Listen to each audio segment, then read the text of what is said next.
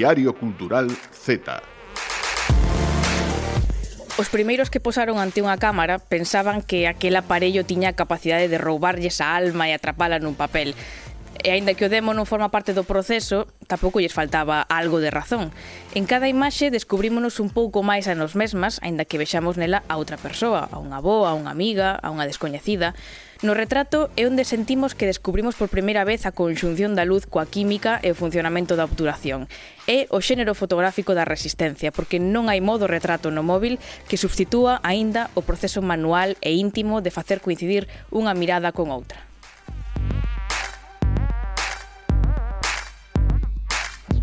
Bos días, boas tardes, boas noites Dentro do Estudio Multimedia da Radio Galega A este Diario Cultural Z No que temos aquí a Silvia López Hola, que tal? E non temos a Marta Oxe, Marta non está Está vendendo parafusos en sillera Está en espírito aí. Está en, en espírito sempre sí. Pero está, está por aí traballando duramente co programa da, da tarde Así mm -hmm. que deixámola descansar hoxe Entón non imos falar de videoxogos Hoxe non haberá videoxogos Ou oh, sí, Quen sabe? Quen sabe, ao mellor algo de, de videoxogos podemos tirar.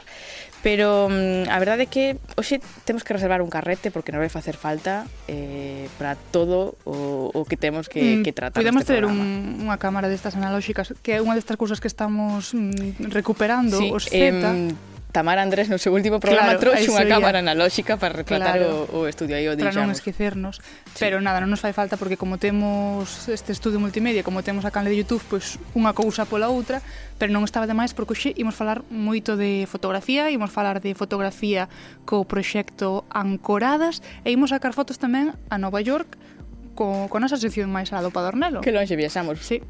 Non está, non está nada mal ir a Nova York, eh? Non me sobraba. Non nos sobraba un día deste, sí. Estaremos entón máis ao lado do Padronero, teremos eh, colaboracións, por suposto. Uh -huh. Esta semana pois contamos con Sara Donoso, que nos vai falar do colectivo Alquitrán, E temos a Jesús Silva que ao mellor tamén nos fala algo de, de videoxogos, Por algo de, de cine, eh, que trae de convidado a Andrés Sanjurjo, así que a ver onde nos leva entón este programa. Comezamos. Comezamos.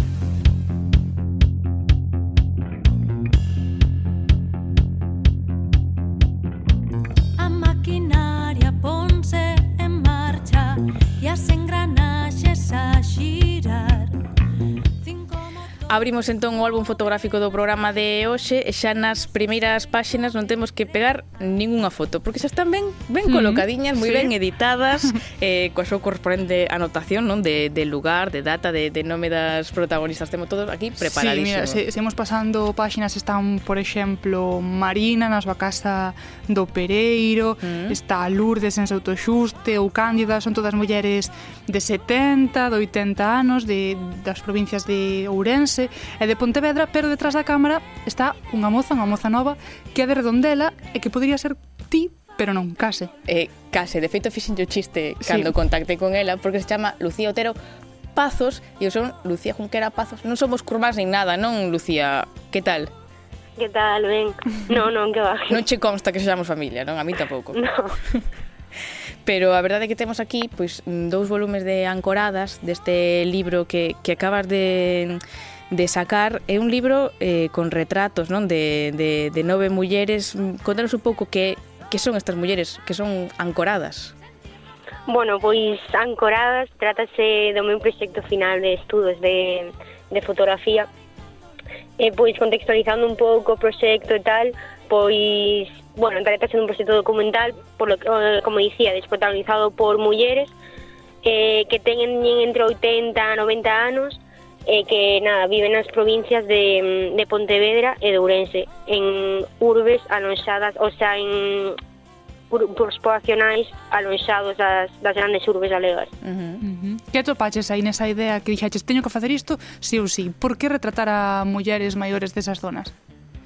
Bueno, é que a idea do proxecto final xurdiu un pouco da do que a mí me gustaba naquele momento, bueno, que me sigue gustando, pero que lo facía máis, que era para fotos, retratos a, a unha das miñas aboas a miña avoa Carmen, que sempre iba a súa casa, facíalle fotos. Tiña la frita, sempre... vaya. sí, sempre que tiña que facer algún, algún proxecto para clase de retrato ou tal, e a súa casa, porque claro, bueno, inspiraban un pouco, pois non sei, a súa forma de ser, a súa casa, dai tamén as fotografías de espazos das súas casas das mulleres, mm. a su, os seus rasgos faciais, etc. E bueno, pois xurdiu un pouco diso. Mm, vaya, que, que os profes de do grado de fotografía que estudache xa coñecían a tua boa perfección. Sí, sí, sí, Casi mellor que a ti. E dicías agora que aparte deses rostros de, das mulleres que ti retratas, tamén aparecen os espazos nesas fotografías. Por que son importantes os espazos para elas? A ver, eu penso que son importantes porque eu creo, bueno, que comparto con elas como o sentimento do amor ou como arraigo que sinten cara ao seu fogar. E ademais tamén esos espazos como que falan delas, hai un montón de marcos, de fotos, que é algo que me sorprendeu muitísimo, mm. que hmm. había moitísimos crucifixos, marcos de fotos, reloxos, libros, e bueno, eso, falan delas esos espacios. Eu creo que é algo como moi característico das casas das sí. aboas en xeral, sí, que estén moi cheas de cousas, cheas de cousas moi cheas de fotos. Ademais, cada espacio de cada unha era como totalmente diferente, eh, sorprendeu moitísimo iso. Temos aquí eh, cousas que nos sorprenderon, por exemplo, o calendario para tomar a, a vitamina sí. D. Sí, todo sí, ben sí. anotado, non se perde Muy típico. Nada. Eso está en todas as casas, eh? Sí, sí. Sí, sí, eh en, son, como dicimos, retratos destas eh, mulleres, pero a verdade é que fuches un, tamén deches un paso máis alá porque no, no libro podemos ver tamén pois códigos eh, que erres, non que nos levan a, uh -huh. as voces destas mulleres. Hai fragmentos de, de papel asinados uh -huh. por, por elas cunha pequena uh -huh. frase. Eso, mm, como, como chegaches hasta, ata aí, non? Por que decidiches pois, completar ou darlle outra outra cara ás fotos con, con estes eh, audios? Bueno, pois a idea, mm, o sea, non quería como que só o proxecto quedara só nunhas fotos e tamén molábame facer eh, unha especie de, cort, de curta documental pero co tempo que tiña para o proxecto non me daba para facer todo. Entón, pois, eh, nada, facía fixenlles unha, como unhas pequenas entrevistas, nada, pregunteilles, nada, o mítico, eh, o seu nome, onde viven, o que fan no seu día a día, e sobre todo tamén, eh, como notan a despoboación no rural, como van notando como a xente vai marchando dali e tal, e despois eh, a idea dos a idea dos manuscritos xirdes por ela xurdiu un pouco porque bueno, antes de poñer, de, antes de poñerme a facer as fotos e tal, eh, busquei referencias de fotolibros de outros eh, autores e tal, e nada, vi un caderno de, bueno, dunha fotógrafa de Estela de Castro, creo que de Madrid, que fai como cursos de retrato. E para cada curso leva como unha libreta no que cada persoa que vai a ese curso deixalle como unha nota. Uh -huh. E eh, molou moito a idea de, pois iso, de plasmar, bueno, que elas quisesen, porque eu, eh, eu realmente dicía esa ela, pois que que escribisen o que quisesen, sabes? Despois de falar e tal, que reflexionasen sobre o falado e que escribisen calquera cousa. Mm. E o que tal? E o dos audios, pois o mismo. É que realmente o que pretendía coas dúas cousas era como dar unha perspectiva máis íntima de cada unhas. Mm. Eh, de feito, pois, pues, eh, eso lévanos a, a, a algo moi moi íntimo destas mulleres, tes conversas moi profundas sobre todo tipo de cousas como a morte, a guerras baixos das vidas. Imos escutar mm, dous exemplos, por exemplo, o de Marina Míguez e o de María Álvarez. Se morro aquí, non me importa. Non quero que me laven para, para, para esas cousas de, de dos vellos ni nada. Eu estou aquí sentada eh, ou deitada, ou que sea, pero daqui da miña casa non quero salir. Tampouco quero que me queimen, eh? Tampouco quero que me queimen. Eu quero morrer, pero que vai enterrada ali ao cementerio meu, pero de, de queimarme nada. Pois estou aquí. Teño moitas gracias que darlle a Dios por estar como estou. En casa problemas, algún hai que ter. Vemos que hai preocupación por, sí. polo destino final, digamos. Tamén falades da, da guerra e que debos tempo para falar de moitísimas cousas. Sí, sí, con Cándida falamos de todo. Ademais de que xusto cando fun, eh, bueno, fun dúas veces xunta dela e cando lle fixen a entrevista foi a primeira, eh, estaba como a cuidadora e tamén ella preguntáballe e dáballe como máis, sabes, máis tal para que falase. Pero sí, sí, con Cándida creo que foi con que máis falei. Porque ti coñecías a todas estas mulleres de antes de iniciar o proxecto ou fuxilas descubrindo a medida que ian sacando as fotos e indo ás casas? Pois nada, antes de porme a facer fotos, falei coas miñas aboas e pregunteilles por, bueno, é que unha das premisas era tamén que vivisen soas nas súas casas. Uh -huh. Eh, pregunteilles pois, se sabía de alguén e tal, eh, e dúas delas coñezoas, porque, bueno, son daqui de Cesán, Fernandela e aquí, pois, máis ou menos nos coñecemos todos, coñecía eh, a, a Marina e a Lourdes, eh, E despois o resto, pois nada, coñecinas preguntando, preguntándolles a Marina, a Lourdes, as miñas avós, miña nai, miñas tías, etcétera. E logo outras dúas que son eh, María e eh, Elisa, coñecinas en Ourense, porque fun a Ourense durante tres meses, creo, a facer as prácticas ali con Bres Lorenzo, e eh, axudoume co proxecto, e pois íbamos a casa delas, eh, basicamente coñecinas así polas prácticas. Mm. Sí, sí, moi guai. Eh, o que tamén é moi guai e eh, non sempre eh, sinxelo para, para nós como lectoras ou con que nos gusta ver a, a fotografía vela en papel, vela editada, non? Ti neste caso, pois optaches pola, por autoeditarte, non? Este libro de Ancoradas, pero o abeiro dunha, mm, digamos, unha plataforma como a Regueifa que está apoiando moito tamén a, a fotografía, non? Como foi iso? Bueno, pois eu o proxecto xa tiña autoeditado, porque para para a escola e tal tiven que facer como unha tiven que facer como maqueta hmm. e imprimir a só un exemplar. Pero despois os da Reguei así entraron sendo proxecto e eh, nada, Noel basicamente puxose en contacto conmigo eh, e propuxome facer a un autoeditalo, basicamente.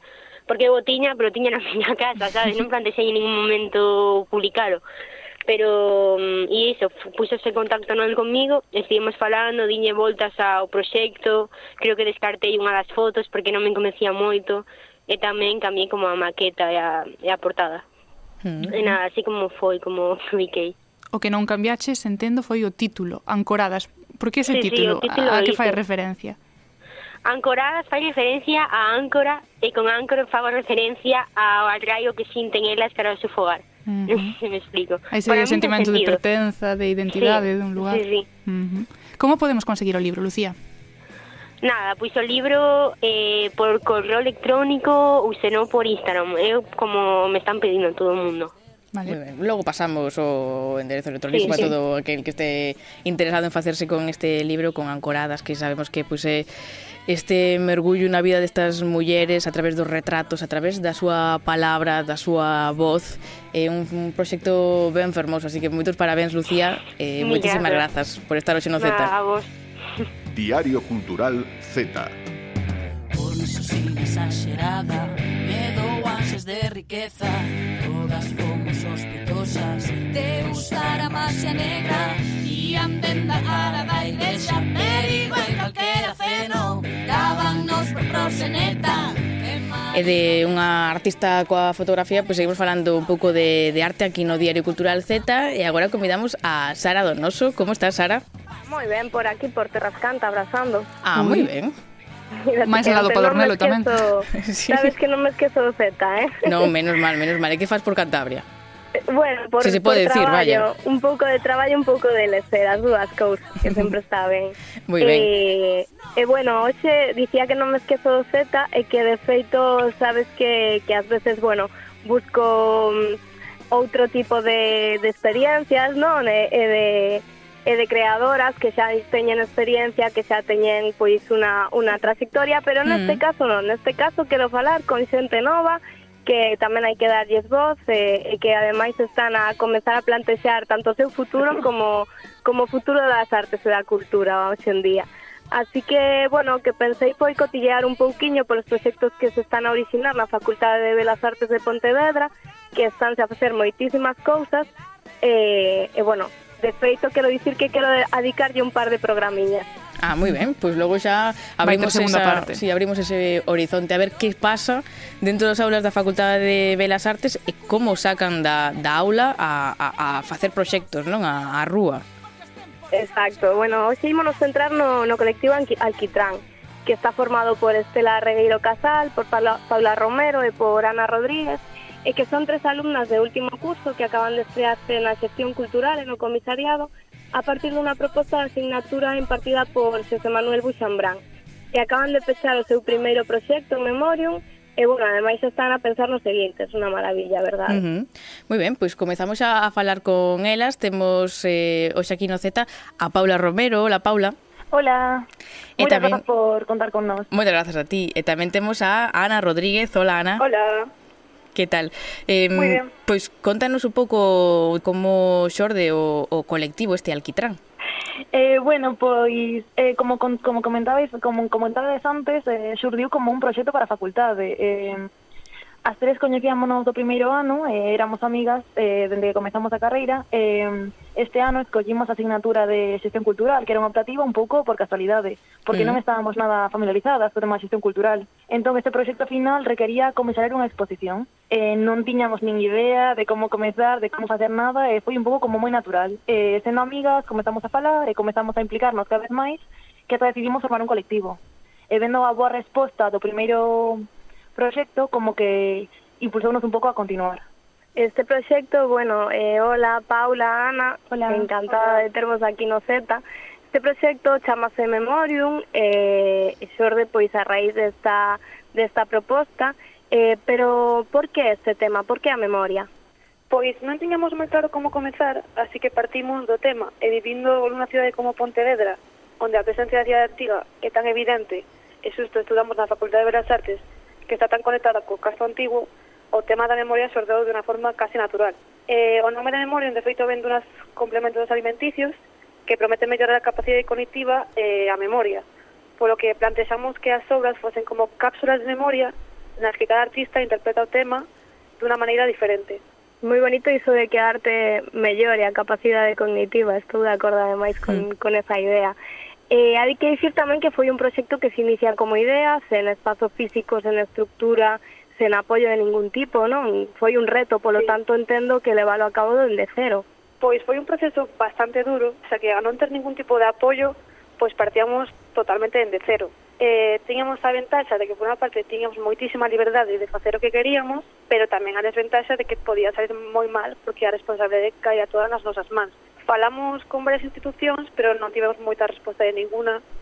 Eh, ao final, Moro Lomba cedeu o seu espazo pero este era un espazo novo que estaba pendente de reforma polo que fomos nos mesmas as encargadas de ter que limpalo, mover os escombros, arrasar pesas... Iso forma eh, parte do proxecto tamén. Sí, sí.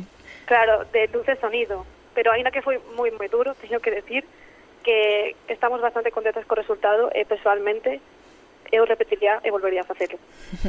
non se arrepentí. Saben comentar destas cousas porque, bueno, as dificultades tamén que ten a xente nova eh, pois de cara a, ao diálogo con institucións, con as ciencias culturais, etc., non? Que, que moitas veces pois hai un pouco esa desconfianza e que sí. está ben que, que puidera leválo a cabo os meus parabéns de verdade porque eh, é difícil, eu, eu sei, no?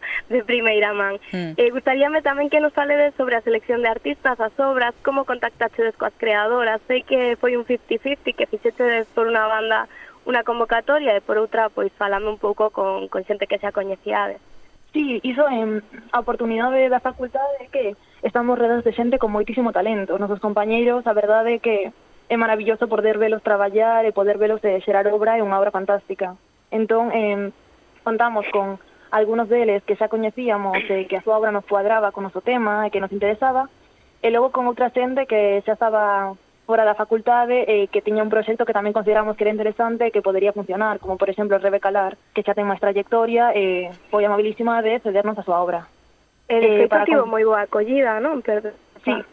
no, bueno, que o resto que fixemos era como abrir unha convocatoria como para completar esas obras que xa habíamos seleccionado e a verdade é que tivemos máis respostas das esperadas e eh, foi isto para nós un regalo, la verdade é que a xente nos cedese os seus, uh -huh. o sea, a súa obra e o seu arte. Iso mesmo, iso mesmo, falaba un pouco da acollida, eu sei que tamén, bueno, tanto polas redes como polo boca a boca, foi un proxecto bastante, bueno, eh, foi bastante xente, estivexe a, a desenvolver tamén unha serie de visitas, eh, e penso que, que toda esta aportación non, o que vai facer é, é construir novas formas de, de pensar e de transmitir a arte dende diferentes formatos. Eu gustaríame teño a curiosidade de saber cal é a vosa perspectiva sobre arte na actualidade ou cales son os vosos plans para darlle continuidade al Quitrán dende a vosa experiencia.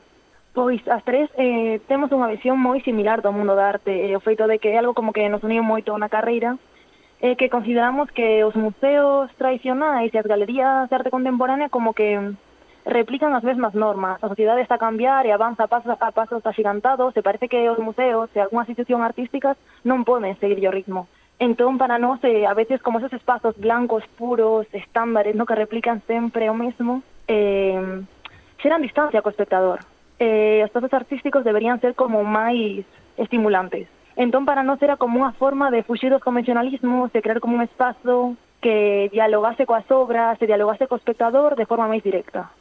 En ese sentido, como foi a resposta do público? Conseguiches este, esta idea? Eso, de feito, para nós foi o mellor e o máis motivador foi eso, ver xente que non estaba acostumado a consumir arte desta maneira, que de repente pois entendía que o espacio e as obras eran un pouco un todo, e todas dialogaban entre sí e co espazo tamén. E hasta a ser un lugar eh, situado na zona bella, eh, a xente entraba en, sin saber o que se ia encontrar. Entón, miraba, e chamaba atención a algo, entraba, comentaba, era como eh, máis cercano.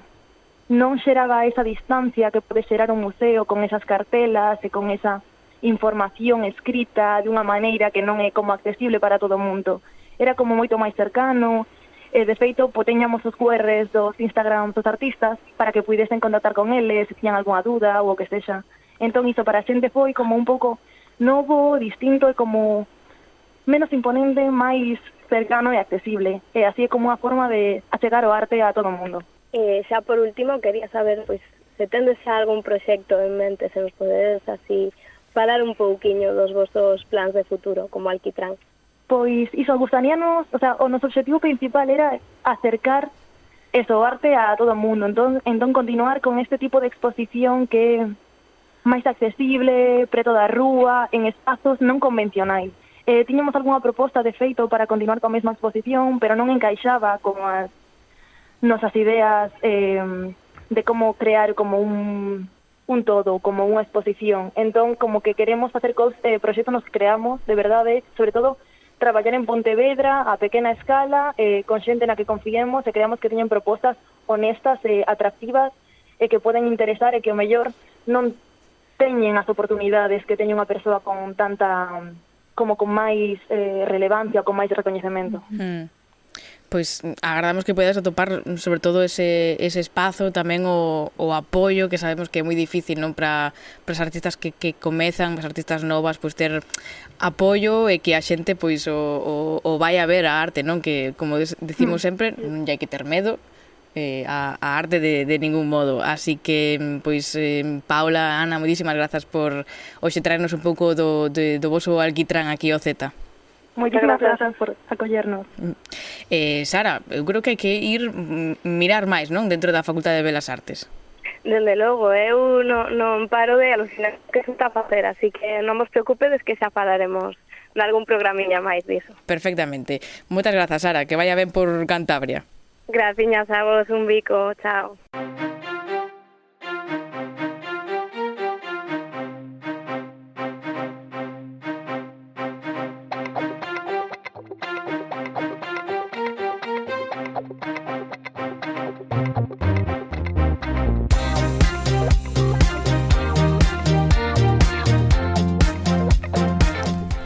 ben, pois seguimos aquí agora completando este mm, pequeno álbum curioso, álbum de, de fotos que temos no, no Z E eh, de feito, aberto. é que poderíamos facer hoxe un pequeno álbum de Nova York inverno, pero xa nos pillaron o título, sí, así está un pouco roubado, Nada, Silvia. deixámolo, pero o caso é que o Z volve a Yanquilandia, volve a, desta volta a Nova York, a cidade que non dorme, a dos milleiros de rañaceos, a cidade que non para, e a cidade das mil frases super repetidas, imos aterrar no aeroporto con Sandra Bell, que non sei se iría de piloto, pero sí de guía.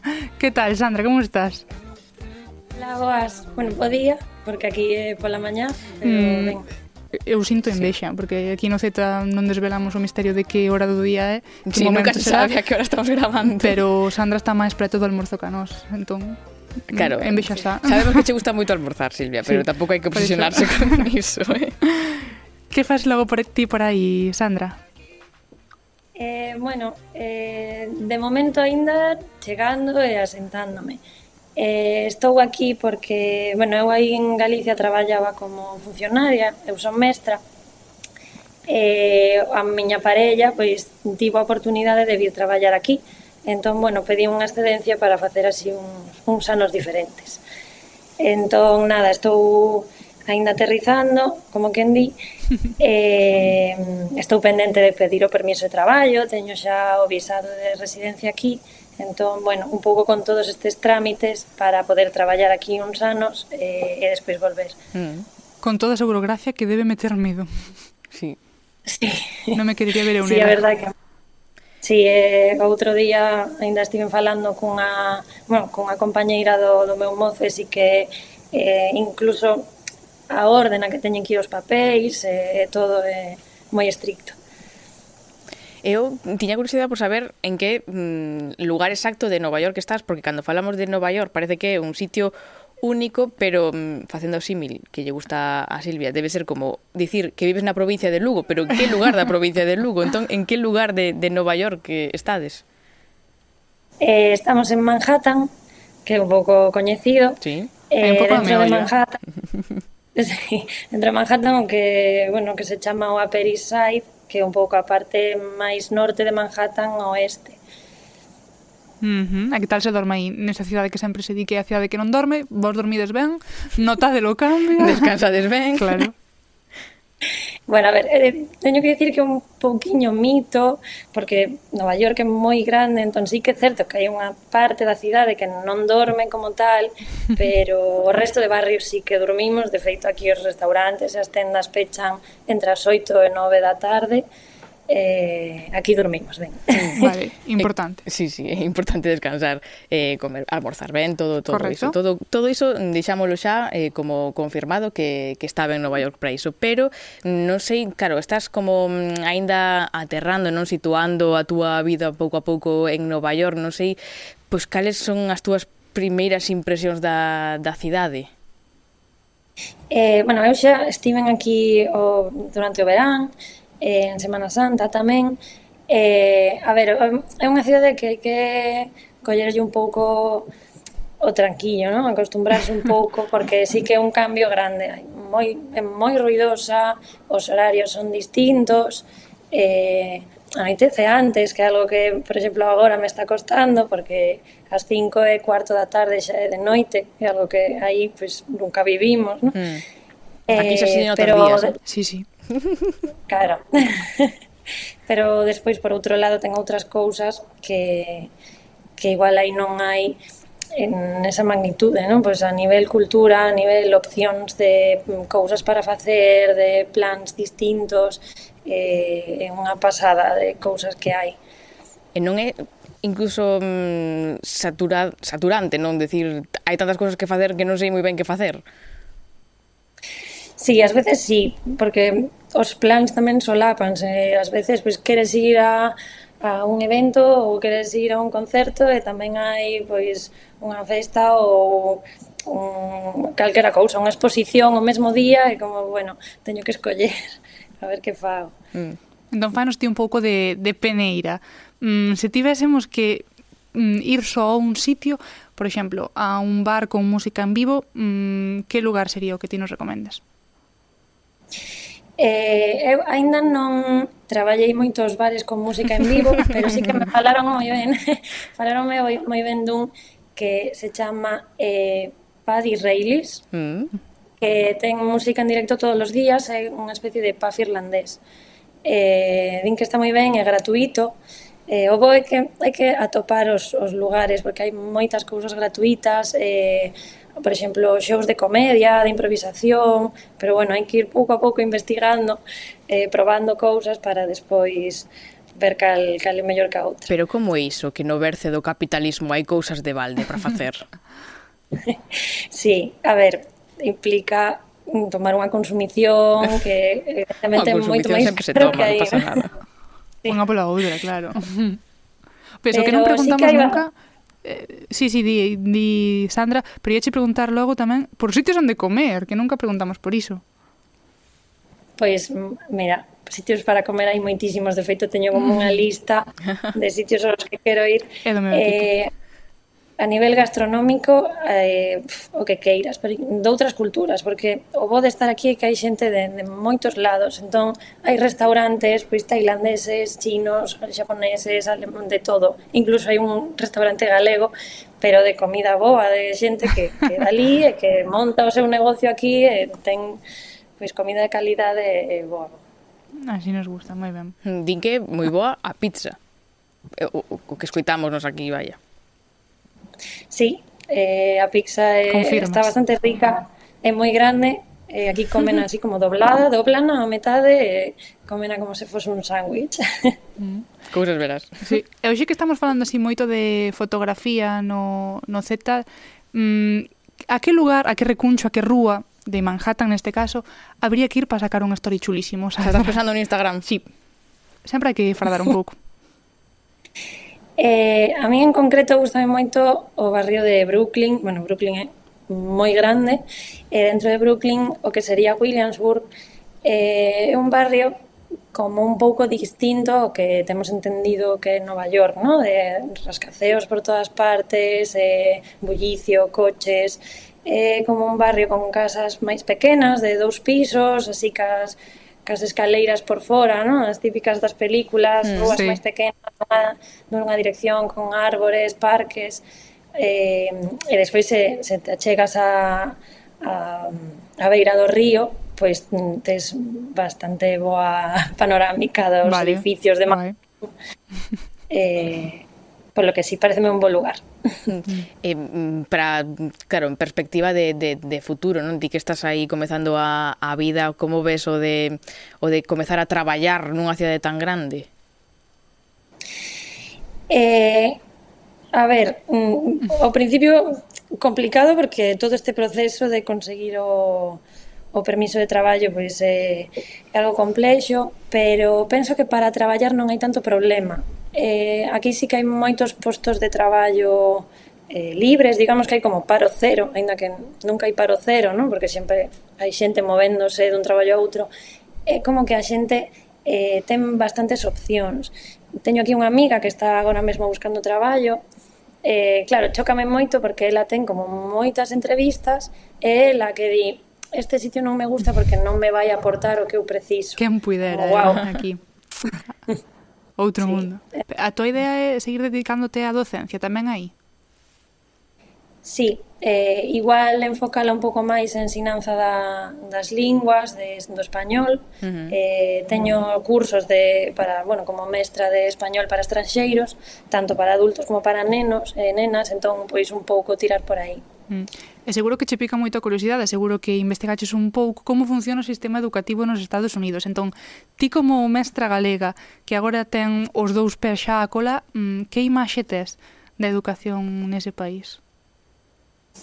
Eh, bueno, dame un pouco de pena porque algo que me gusta moito de Galicia é que os coles son pequenos, ¿no? En que podes encontrar coles pois nunha liña, digamos, que só ten unha aula de cada curso, porque se forma pois unha comunidade bastante bonita coas familias que colaboran e se poden facer cousas moi chulas. Aquí sí que é certo que os centros educativos son enormes danme bastante impresión, a verdade, porque ves as nenas e os nenos sair do cole son moitísimos, son edificios enormes que están no medio da cidade, non teñen moita zona verde, entón, bueno, eh, non sei moi ben como é o sistema educativo interno, sí que sei que teñen pois tanto centros públicos como concertados e privados, pero penso que é mellor o dai.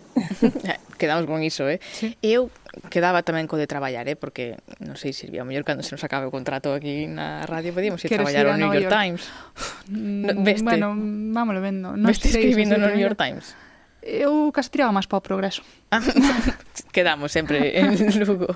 Eh, Sandra, moitísimas grazas por conectar hoxe co Z. Eh, de verdade, mm, moito ánimo, disfruta moito de Nova York e que che vaya moi ben por ali. Vale, moitas gracias a vos. E nada, cando queirades, tedes unha guía por aquí. Ah, perfectamente, apuntámonos, grazas. Diario Cultural Z.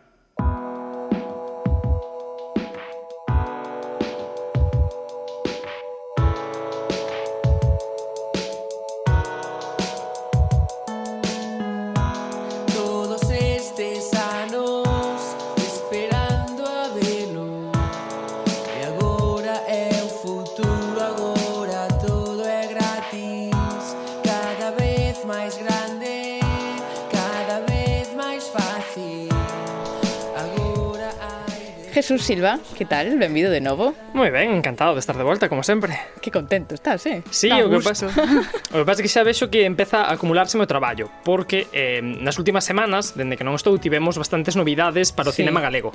Eh, de feito, pouco despois de gravar a última sección audiovisual, publicouse o programa completo da Berlinale, mm -hmm. que, como sabedes, é un dos grandes festivais internacionais eh, que comezan agora na tempada, e no que por primeira vez teremos tres filmes galegos seleccionados en distintas seccións imos ter Sica de Carlos Subirana, que xa mencionamos aquí aí a min parte de programas, e tamén estarán Matria de Álvaro Gago e Samsara de Lois Patiño. Trátase dunha, no, dunha noticia, como digo, moi importante para o noso audiovisual.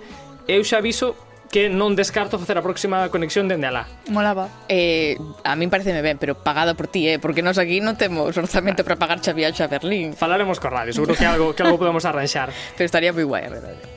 E, ademais disto, hai uns días anunciáronse tamén as finalistas aos premios Mestre Mateo da Academia sí. Galega do Audiovisual, onde atopamos talentos Z que xa pasaron polo programa, como por exemplo Belén Puime e a súa webserie Pringadas. E agora toca nos agardar ata o vindeiro 11 de marzo para coñecer as gañadoras. Dito isto, non quero estenderme moito máis coa introdución porque hoxe traio un novo convidado e hai moitos temas que quero tratar con el.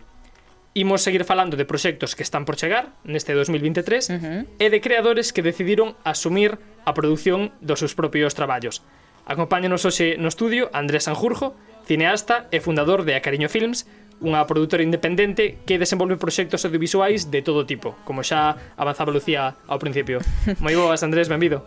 Hola Jesús. Hola Andrés. Eh, moi boas. Moi boas a todas. Xa estou vendo aquí amplos currículums de novo, cousas de todo tipo. Colle aire. Son exactamente o que vos vou contar agora mesmo. Porque Andrés Sanjurjo é da Coruña, e gradúase en Comunicación Audiovisual eh, e continuou os seus estudos co máster en Documental de Creación na Universidade de Pompeu Fabra de Barcelona. Traballou nos equipos de produción de filmes como Matadero, de Santiago Fillol, O que arde, de Oliver Laxe ou A procura da estrela, de Carlos Martínez Peñalver. En 2019 funda a súa propia produtora, Cariño Films, coa que produciu o filme Los Saldos, de Raúl Capdevila, e actualmente está traballando na súa primeira longametraxe documental Alén Mar, así que ah, tamén nos proxectos de outros autores emerxentes porque iso, proxectos de todo tipo. Jesús. Sí, sí, ten a verdade que ten ten bastante traballo. Eh, eu quería antes de nada comezar preguntándolle un pouco con que obxectivo, con que filosofía nace a Cariño Films. A verdade é que foi un pouco casualidade. Quero dicir, eu quería ter certo control eh, da miña, das miñas producións e quería saber moi ben con quen eh, me involucraba nestes proxectos que ao final levan tanto tempo, levan tanto compromiso e tanto esforzo. Unha vez que, bueno, intento ir con unha persoa en concreto, eh, o seu consello, non? Era Felipe Laje, o produtor de Ceitún Films, foi que me autoproducira, non? Vendo que era un proxecto moi pequeno, que non requería demasiado financiamento, e que, e que eu intentara. E a partir de aí empezo a ver que hai moitísimas eh, creadoras como a min novas que están intentando loitar por sacar os seus proxectos adiante e, bueno, penso que tamén me apetece axudar non? e seguir aprendendo destes procesos producindo, producindo outros proxectos que empezaron eso, non? Eh, dentro do cinema e que agora tamén se están abrindo a outras disciplinas este primeiro proxecto do que falas, non? Este, este traballo inicial é, entendo, Alenmar, que é o que falamos da túa primeira longa metraxe, que poderíamos describir como unha mistura entre diario de viaxe e diario íntimo, filmado eh, na illa de Chiloé, no sur de Chile. Eu quería saber un pouco cal é a orixe do proxecto e cal é, sobre todo, a túa conexión con este lugar. Mm.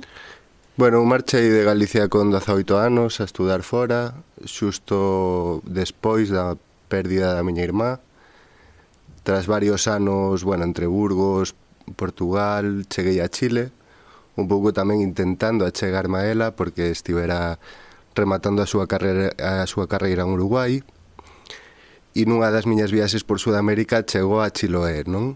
Chiloé, un arquipélago que a xente lle chamaba Nova Galicia. E claro, a primeira vez que cheguei ali, creo que foi en 2015, foi recoñecer a miña paisaxe estando na outra punta do mundo, non? E a partir de aí empezou unha obsesión que chega ata o día de hoxe, con moitas idas e moitas voltas. Estive en ali vivindo seis meses en 2017 e despois volvín para filmar precisamente esa experiencia de vida en 2019 durante tres meses máis, non? E de algún xeito foi o lugar que eu atopei eh, para reconciliarme co mundo e superar ese do.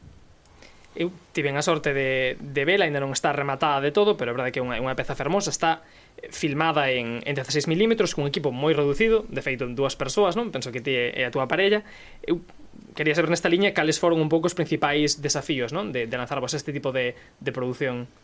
Bueno, moitísimos. Eh, claro, eu sabía que que o que quería filmar cada vez iba máis cara imaxes impresionistas, cara ao cotía, e naquel viaxe en 2017 que fomos a probar, a, a rodar e, e ver que acontecía ali, nesa experiencia, decateime que era moi interesante o que ocorría detrás da cámara, non? nas nosas conversacións entre a miña exparella máis eu. Entón, bueno, ao principio sí que pensaba que, bueno, igual me interesaba levar alguén de son, al, alguén de foto, non? Que nos botaron a man, porque tampouco tiñamos perfis técnicos, pero ao final, bueno, creín que o proxecto que me estaba pedindo era precisamente esa intimidade dos dous para que puidera, eh, de algún xeito, aflorar mellor esa experiencia dunha parella e, bueno, pois ela tivo que aprender os, as cousas básicas de son e eu tiven que aprender as cousas básicas de foto, non? E, ademais, facelo en 16 milímetros, non? Para forrar cartos mercaba latas de máis metros que despois tiña que cortar artesanalmente, rembobinar, nunca sabes se o que vai a sair vai a estar ben ou vai a estar mal. Entón, bueno, pois a verdade é que para min como creador e produtor foi un proceso moi estresante, pero... Que... Pensé pensei que iba a decir moi bonito, non, non moi estresante. Bueno, a verdade é que foi non estresante, non? Pero, pero disfrutei, e sí que é certo que esa parte, esa parte artesanal de ter tempo e estar, bueno, coa, coa propia película é un proceso que creo que, bueno, que todo mundo debería de pasar por él algunha vez eh, comentábamos que este Alenmar eh, é o teu primeiro proxecto como, como cineasta, a túa primeira longa documental, pero eh, dende a cariño xa decimos que estás traballando en outros traballos con outros creadores emerxentes. Poderías resumirnos un pouco eh, que outros proxectos podemos agardar nos, nos próximos meses, anos, en, en que estades traballando?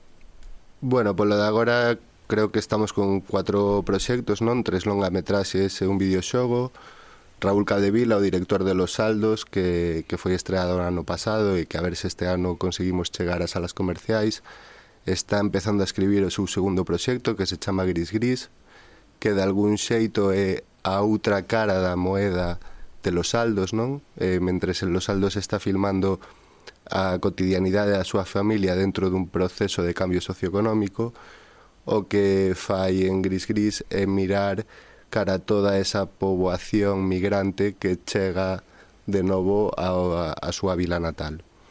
Por outro lado, eh, Proto é o nome da primeira longametraxe de Álvaro Chior, un artista contemporáneo galego afincado en Madrid, que quer investigar a partir de, bueno, de xestos performáticos todo o que está antes de o cinema, non?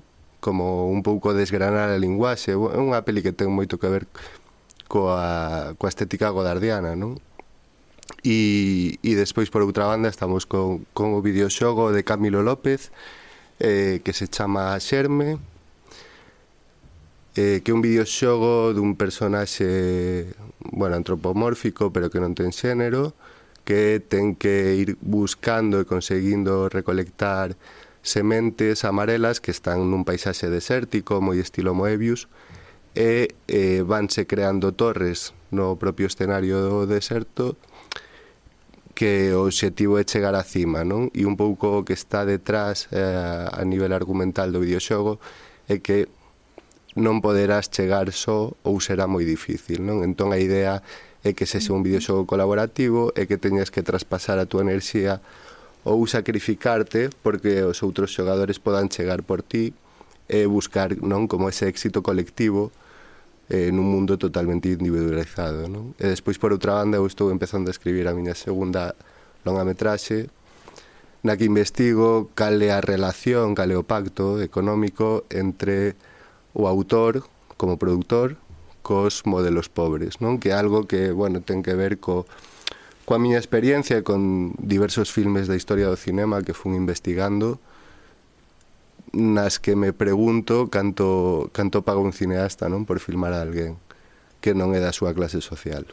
Mm. Como vedes, eh, canto proxecto. Moitísimo proxecto en Acreño Films eh, que agardamos ver ao longo dos seguintes meses, anos. Eu recomendo a todo o mundo que entre no YouTube para ver eh, as imaxes do videoxogo que temos, digamos, un, un, unha primeira ollada a ese gameplay eh, aquí no, no estudio multimedia. Unha mágoa que non este Marta hoxe con nós para... Sí, seguro que lle gustaba. Seguro que sí, además sería mm, a, a perfecta para probalo e para vir aquí facer unha crítica todo, todo. Cando que irades Está a tempo. Ainda estamos, eh, bueno, axustando as últimas cousas da demo pero bueno, supoño que nas próximas, nas vindeiras semanas xa estará a demo definitiva e a partir de agora pois empeza unha etapa de produción, de búsqueda de financiamento, que, bueno, levará o seu tempo, como todo. Hmm. Pois pues agardamos por, por el, mm, de verdade. Eu creo que hai que avisar a Marta para que o veña a probar e que o comente aquí, eh? Así que, pois, moitísimas grazas por acompañarnos, que vaya moi ben, que o leve, levo con paciencia, con, con espiritualidade, porque isto, mm, cuidado, hai moitos hai proxectos. Hai moito que tender. Moito que tender, sí, sí, así que moito, moito ánimo, moitas grazas. Moitísimas gracias a vos. Eh, Jesús, entón, para a seguinte, Berlín.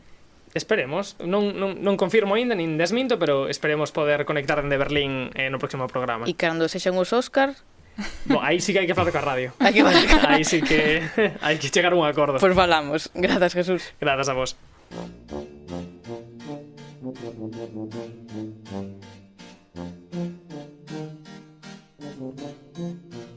Thank you.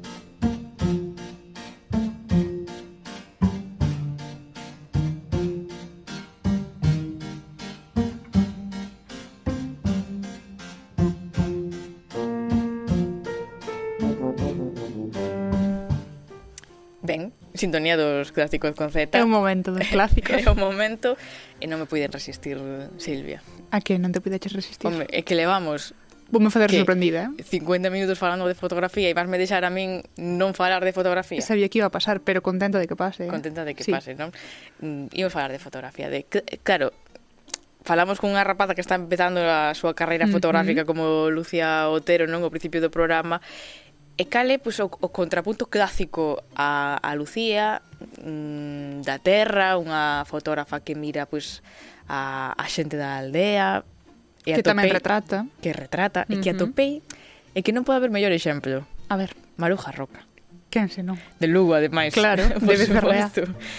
Sempre digo o mesmo, o libro non é clásico porque é un libro, mm, digamos, edición, non é, é, é nova, pero as fotografías... No ano pasado dai dous, non, non máis. É, no, é noviño. É novo. É Z o libro, pero o contido é clásico. Uh -huh. Que temos aquí? Pois pues, que mm, xa dende o título eh, lévame case a un sinónimo de fotografía que, que, que me gusta moito que o de feitizo. Uh -huh. Non exactamente un sinónimo, non? Pero mm, é pero o que... Pero define ben. Sí, é o que fai Maruja Roca, vou poñer o libro por aquí para mm, chamar a xente ao YouTube a que veña mm, velo o libro. Eh, e feitizo que fai Maruja Roca é ademais a palabra que, que elixe eh, Nieves, Neira Roca para describir o que fai Maruja, que me parece moi moi poético, non? Moi mm -hmm. unha forma de describir a fotografía moi moi bonita, feitizo. Sí, así como escribe Nieves Neira no progreso, por outra parte. todo nos leva ao progreso, sí. todo nos leva a Lugo. Por que será? Por que será? Sí, sí eh, pois mm, Maruja Roca pois é esa mm, a nosa clásica da, da fotografía, descoberta fai mm, moi pouco, sí. mesmo pola súa propia familia, non? Porque mm, eh, as fotografías pois foron recuperadas por Nieves, que é sobrinha neta, sí. A, ah, ten algunha relación uh -huh. familiar. Na árbore genealóxica, ela está aí. Está por aí, non? Sí. E tamén polo editor eh, Eutropio Rodríguez nesta edición que, que teño aquí nas mans que é fermosísima da Central Folke, e que Todas se chama... as edicións da Central Folke son super bonitas. Sobre todo as de foto, as de foto, sí. son todas moi bonitas, pero sí, as de sí, fotografía sí. son están pois pues, especialmente eh, especialmente coidadas. E este pois pues, chamase O feitizo de Maruja Roca, como non podía ser de outro xeito. Eh, Nieves pois, escribe ademais un, un limiar non as fotografías nos que di que eh, no que di que a tía Maruja facía fotografías.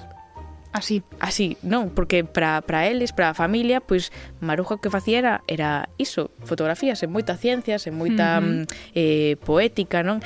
Pero se abrimos o libro, e imos a esas fotografías que facía a Maruja, a primeira que vemos é unha fotografía dun álbum con moitas fotografías, non? Unha páxina dun, dun, dun álbum que, que ten toda a intención, porque son as fotos de, do álbum bello que todos temos na casa, cas fotografías dos avós de novos, dos nosos sí. pais de pequenos. O que imos cada X tempo para volver a ver esas fotos que xa coñecíamos, pero sí. que queremos revisitar e que ás veces fanos confundir se o que estamos vendo o recordamos ou o recordamos porque o vimos na foto? Claro, mm, eu a boda de meus avós non a recordo, Pero, porque eu creo que non mm, estaba nin en no. planificación, nin... Casi xuraría que non, eh? Nin nada.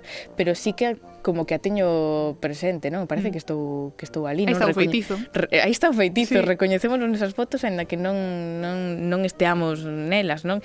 Eh, pero, claro, as fotos de Maruja Roca pois pues teñen algo máis, non son como todas esas fotos que calquera temos na, na casa, non? E un decátase pois eh, moi pronto de que hai algo máis ca iso, non? Hai moita intención detrás dos retratos que facía eh, Maruja Roca, porque elixe o vestiario concreto das súas modelos, elixe o espazo donde donde están, mm, fainas posar, mm -hmm. é, é un xogo moi moi simpático, non? Xoga coa luz, eh, controla tamén a fase de revelado, porque Maruja tiña un laboratorio na cociña da, da casa, iso todo todo moi todo moi moi caseiro.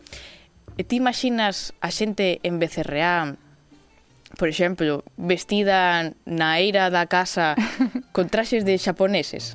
Home, típico non creo que fora. Non é a estampa máis típica no, do, de, dos ancares, de Lugo, no. Pero aí está, Maruja Roca vestindo aos veciños e veciñas de xaponeses, de indios, de flamencas, de todo tipo de cousas de fantasía no, nos montes, nas eiras de, de Becerrea. Así que a tía Maruja facía fotografías, pero facía moito máis ca fotos. Facía moito máis ca fotos. Mm. Facía feitizos. Facía feitizos, sí. De novo esa, esa palabra, non? E, e, e de novo a palabra de, de Nieves, que o limiar é máis que máis que, que un limiar é un texto fermosísimo, tamén cheo de, de poesía. E di Nieves ali que as fotos de Maruja pois son como partituras eu podería dedicarme só a glosar a, a Nieves Neira. Que ben escribe Nieves Estás Neira. De acordo? No? Sí. sí.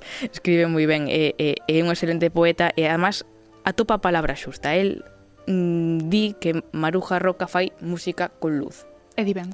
E di ben. Entón, parecíame un libro morrito para este, este Z fotográfico que tivemos. Eu non coñecía a Maruja Roca antes deste proxecto de Nieves Neira e moi guai. Pero é que eu creo que a fa... Sí, que a mm, digamos, familia, no mundo da fotografía, sí. eh, na familia tiñan pois esa esa tía, esa que facía irmá, fotos, que ia con a cámara. Fotos pero que se cadra non eran conscientes desa importancia ou desa parte máis artística desas mm. fotos que sacaba. Eu creo que agora temos mm. que ir mirar os nosos álbumes porque ao mellor temos un artista na familia non sabemos. Sacamos unha foto agora. Sacamos, pero a nosa foto mm, non vai ser, bueno, un se selfie para a posteridade. Non teño hora Ahora aquí. que ven un truido temos que buscar un traxe sí. Imos facer un Z de entruido Vestidas favor, de xaponesas sí, digo, como sí, de Maruja eso, Roca De xaponesas non sei, pero algo traemos. Non? Veña. Moitas grazas, Silvia, por acompañarme hoxe. Nos quedamos en Marta, que quedou pendente o videoxogo. Sí pero creo que para a semana que ven vamos ter videoxogos por un tubo. Así que por hoxe deixámolo aquí con este Z fotográfico, así que moitas grazas por, por escutarnos, por vernos e a semana que ven volvemos con moitísima máis Cultura Z.